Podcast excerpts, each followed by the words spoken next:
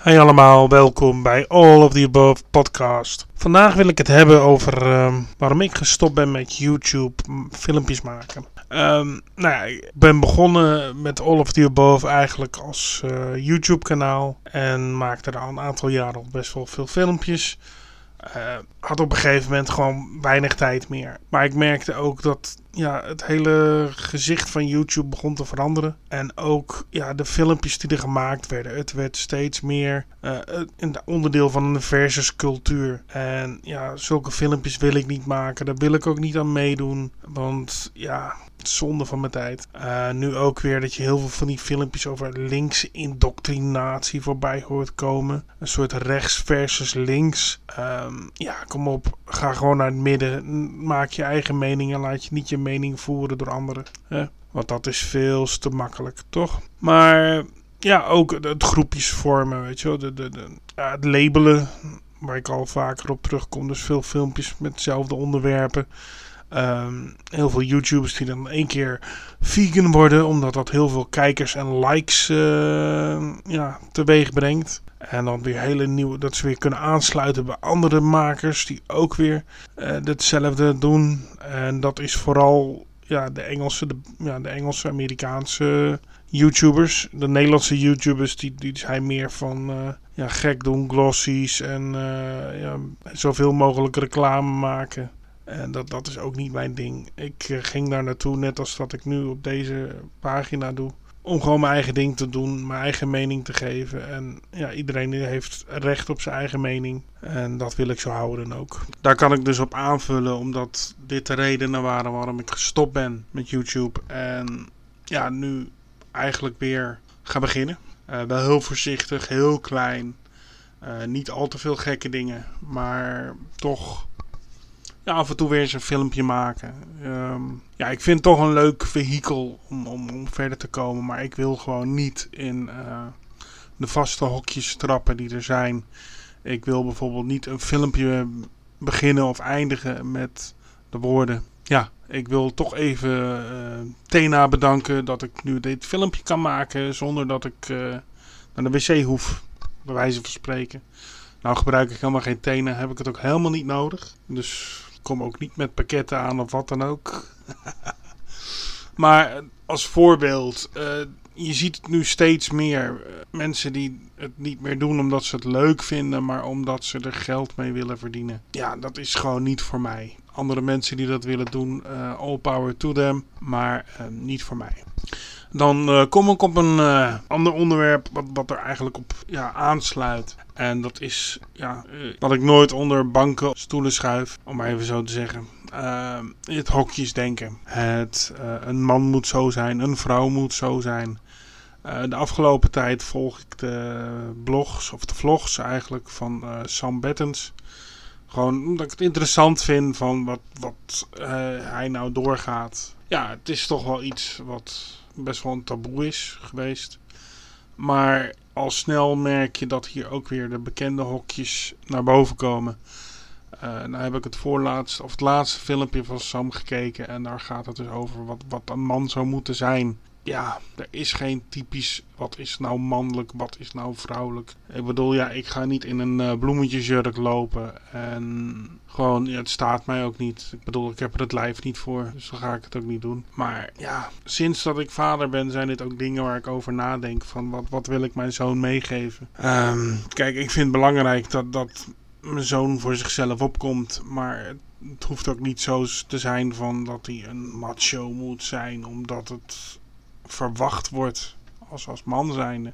En ik denk dat daar ook heel veel van uh, identiteitsproblemen vandaan komen dat mensen iets van een bepaald geslacht verwachten. Als jij bijvoorbeeld meisje bent, dat er wordt verwacht van nou, dit moet jij doen als meisje. Of dit moet jij doen als man. Ik ben eigenlijk iemand geweest die altijd gewoon zijn eigen gang ging en scheid had aan wat andere beelden vonden. Ik, ja, ik heb zoiets van, ik wil mij niet aan hoeven te sluiten als een schaap bij wat de meerderheid vindt. En dat vind ik nog steeds. En dat is ook een, een waarde die ik mijn zoon meegeef en ga geven als die ouder is. Uh, hij moet zijn eigen keuzes maken en niet omdat het een, een rage is of omdat het hip is of omdat het uh, meer likes uh, geeft. Nou wil ik niet zeggen dat mensen dingen al altijd dingen doen omdat het meer likes geeft of populariteit. Sowieso is populariteit iets vergangbaars. Want ja, je kan maar zo lang het snoepje van de week zijn. Daarom heet het ook snoepje van de week. Het duurt maar een week. Je begrijpt wat ik bedoel. Um,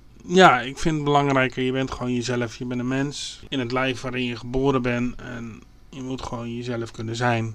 Dat is het belangrijkst. Welk hokje je daaraan hangt, verwacht aan te hangen, doet er eigenlijk niet toe. Het doet meer toe dat je zelf gelukkig bent. Kijk, ik ben gewoon, ja, ik heb het voorrecht, ik ben gelukkig in mijn eigen lijf tot op bepaalde hoogte. Ik bedoel, ik heb dan een beperking, daar kan ik niks aan doen. En daar heb ik mee moeten leren leven. Punt. Ja, um, tot zover uh, dit onderwerp.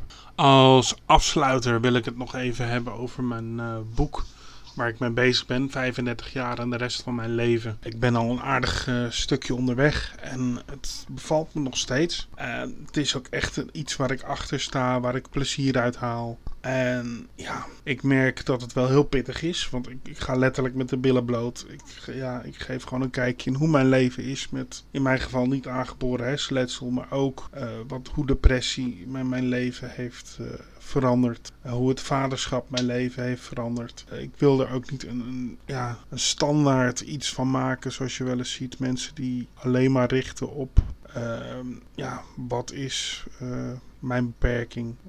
Mijn beperking is meer dan alleen mijn beperking. Mijn beperking is mijn persoon. Um, tot zover. Um, het stuurt wat je doet. Het bepaalt niet je leven. Het is niet je persoonlijkheid. Het is niet van ik ben NAH. Nee, ik heb NAH. En ik ben Dennis. En ik doe wat ik belangrijk vind en binnen de grenzen die mij gegeven zijn. Uh, wat ik ook belangrijk vind om in dat uh, verhaal mee te geven is een stuk beeldvorming. Uh, beeldvorming is iets wat op dit moment heel erg speelt, wat je heel erg tegenkomt.